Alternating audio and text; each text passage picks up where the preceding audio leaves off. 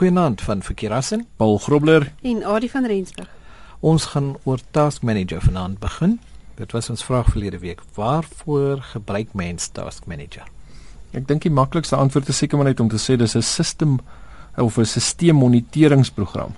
So dit word gebruik om inligting oor die programme en die prosesse wat hardloop uh, op jou rekenaar te uh, te wys en uh, jy kan sien waar daar dalk probleemprogramme is, iets wat dalk nie wil werk nie en uh, dit het dalk gehang of dit net sê, dis wat ek gewoonlik dit voor gebruik. Ja. As 'n program hang of of erns vassit, dan gebruik ek dit maar om Of is rekenaar skielik baie stadig is om ja. kyk ek ja. jy weet wat, wat is daar wat is daar ja. wat so verskriklik baie gebruik die probleem is ja. ja. Nou daar's 'n um, op jou as jy natuurlik na jou task manager toe gaan, is daar verskillende inkepings of dan nou tabs wat elke uh, geassosieer is met 'n spesifieke taak op die task manager.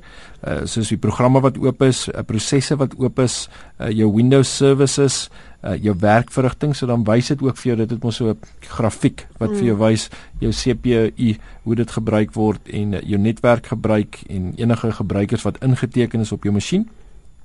Nou een ding wat baie mense nie weet nie is uh hoe om direk by die task manager uit te kom. Ek dink baie ouens volg net maar die roete waar jy control alt delete druk en dan hmm. kies jy task manager, maar daar's 'n manier om direk by jou task manager uit te kom en dis deur control shift escape saam te druk. Na al die jare. Na al die jare leer ek dit. Ja, so ek ek het die lang pad gebruik soos wat jy nou af. Ek, ek dink die meeste mense, ja. die meeste mense doen. So hopelik het jy nou daai ene neergeskryf. En dit is 'n mhm. snaakse kombinasie ook, né? Ek sê nou control shift escape is nogal een ja. van daai wat jy nou nie sommer net aan gaan dink om te doen nie. Hmm. Nou uh, onder aan die venster wat oopmaak is daar dan uh, word prosesse CPU usage en physical memory vertoon. Prosesse uh, getal is die aantal prosesse wat tans op die rekenaar hardloop. Die persentasie CPU usage is die totale persentasie van die CPU of die sentrale verwerkingseenheid en uh, physical memory persentasie is dit wat gebruik word deur al die oop programme in die Windows bedryfstelsel. Nou baie mense besef dit mos nie altyd nie, maar sodra jy 'n program oopmaak, al wat letterlik gebeur is hy word van die harde skyf afgehaal en hy word in geheue ingetrek en dis eintlik waar jy die program gebruik. Jy gebruik nie die program op die harde skyf nie, jy gebruik hmm. die 'n program in geheue. So hoe meer programme jy natuurlik oop het, hoe meer geheue word gebruik en op die einde van die dag gestadiger word jou masjien. Nader moet jy virtuele geheue ook gebruik. Byvoeg ja, van as jy nie genoeg geheue het nie of jy druk 'n geheue stokkie in om um, dit ook geheue te maak as uh, dit daai opsie het. Nou ja, kom ons kyk dan na die volgende ene, die die applications inkeping is um, waar al die programme wat die gebruiker oopgemaak het lys en uh programme wat uh, geminimaliseer is in die system try uh byvoorbeeld jou antivirusprogramme asook uh, programme oopgemaak deur ander gebruikers wys nie in hierdie lys nie. So dis net dit wat uh huidigelik oop is as jy dit nou so wil stel. En uh, om 'n program wat nie reageer nie toe te maak klik jy klik jy maar net op end task nou ek wil kan ek in die rede val? Jy mag. Beteken uh, as jy end task druk dan kom nou 'n boodskap hier op wat sê dis 'n uh, soort van gevaarlik om uh, om hierdie program nou te eindig. Ja. En jy kan dalk iets beskadig en so aan. Dis maar jy kan inligting verloor as ja. jy daai gaan toemaak maar as hy gaan hang het hmm en hy hy wil nie toemaak nie. Dan jy ja. dan dan het jy net te veel van 'n keuse nie. Nee. nee.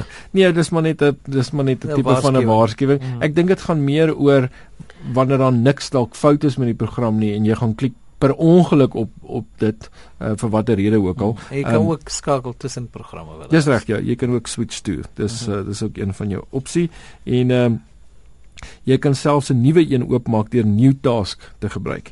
En dan uh, onder die uh, prosesse inkeping kan mens uh, word jy wys dit vir jou al die prosesse wat hardloop. Mens besef nie eintlik hoe baie prosesse daar is nie en daar is ook baie prosesse in die agtergrond wat hardloop wat jy baie keer glad nie gebruik nie of wat glad nie nodig is nie. Baie van hulle verstaan ja, nie glad nie. Hier hier moet jy eintlik nie sommer net iets ja. toemaak nie. Ja. As jy sien jou rekenaar is baie stadig, dan kan daar uh, daar kan iets wees wat uh, wat hardloop maar dan gaan jy eers moet daai inligting gaan opsoek sodat jy seker is as jy daai proses toemaak dat jy instruksies het van ja dit is 'n as virusaktiwiteit of iets en hy gebruik hierdie proses en dis die proses se naam wat jy moes toegemaak ja. het ja. Hmm. Maar baie van hierdie is 'n uh, uh, prosesse wat byvoorbeeld uh, vir die werking van Windows belangrik is is uh, onder andere SMSS.exe, SVC host.exe, LSASS.exe, WinLogon.exe en CSRSS.exe wat ek my voorstel is as jy altyd uh, enige tyd onseker is oor so iets, vat die vat die uh, prosesse naam, sit dit in Google byvoorbeeld en gaan kyk wat is sy funksie. Ehm um, as jy as jy onseker is, ehm um, maar moenie net sommer net 'n proses toemaak nie. Die services inkeping is slegs beskikbaar in die Windows Vista en Windows 7 eh, weergawe en hierdie dienste wat gebruik word deur Windows hardloop in die agtergrond om spesifieke take te verrig. Nou hier kan 'n mens ook probleme kry as jy sommer iets daar sou net disable ja, of ja. wat. Jou services mm. en jou processes is nogal uh, redelik dis nie mm. die meeste van 'n los mes maar jy speel nie rond nie.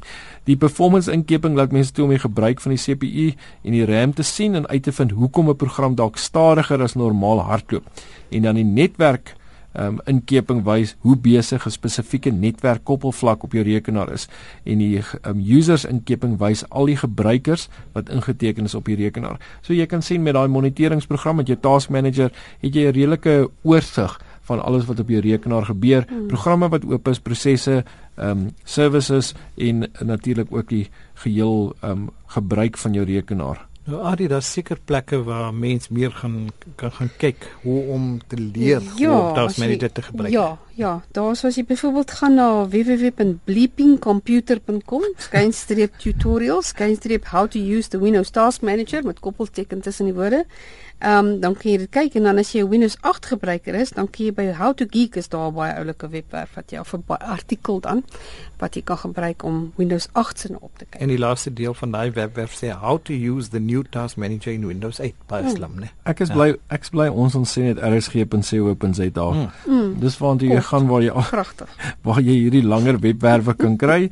Um, of as jy 'n lang webwerf dalk met ons wil deel, uh, stuur dit vir ons na rekenaar by rsg.co.za. Nou Nicole, Nicole of Nicole, ek weet nie, dit lyk na Nicole Oosthuizen. Het die het die volgende nuttige inligting vir ons gestuur.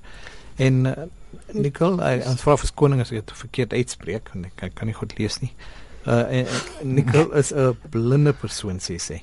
En sy gebruik dalk 'n rekenaar wat vir wat vir blinde mense nou Ja, met ander woorde, ja, ja, dis maar ja, en so so sê uh, sy sy het goeie ervaring hiermee en sy deel Ja, sy deel ons. dit. Ja, hmm. ons het vroeër jare eintlik ook 'n luisteraar gehad so ons Ja, sy sê eintlik ek is van geboorte al afval heeltemal blind. blind ja. ja. So sy het groot geword met 'n ja. rekenaar ja. terwyl sy blind is. Ja, sy sy noem nou skus vir ander mense wat dalk net hier mm -hmm. sal uitput. Byvoorbeeld sy sê sy gebruik 'n spraakprogram met die naam JAWS. Dit staan vir Job Access with Speech. Dit's nogal oulik. En ehm um, Jaws kan jy meer gaan oplees by www.freedomfreedomscientific.com. En ehm um, dit kan vir beide Afrikaans en Engels werk. En ehm um, en die calls bly hou baie duidelik van baie speletjies.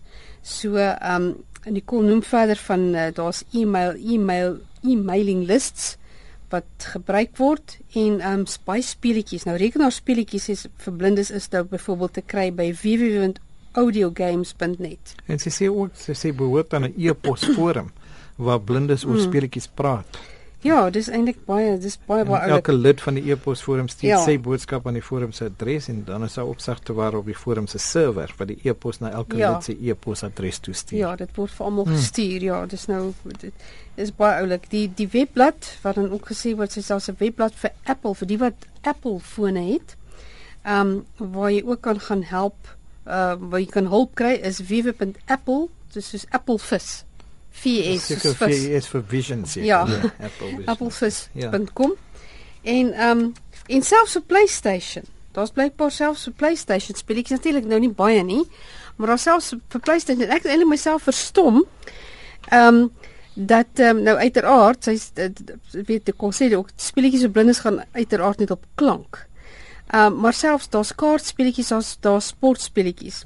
Ehm um, en jy kan ook hulle kan ook speletjies speel waar virtuele wêrelde rondloop, items opgoor, spring en skiet en resies kaartspeletjies en alswaan.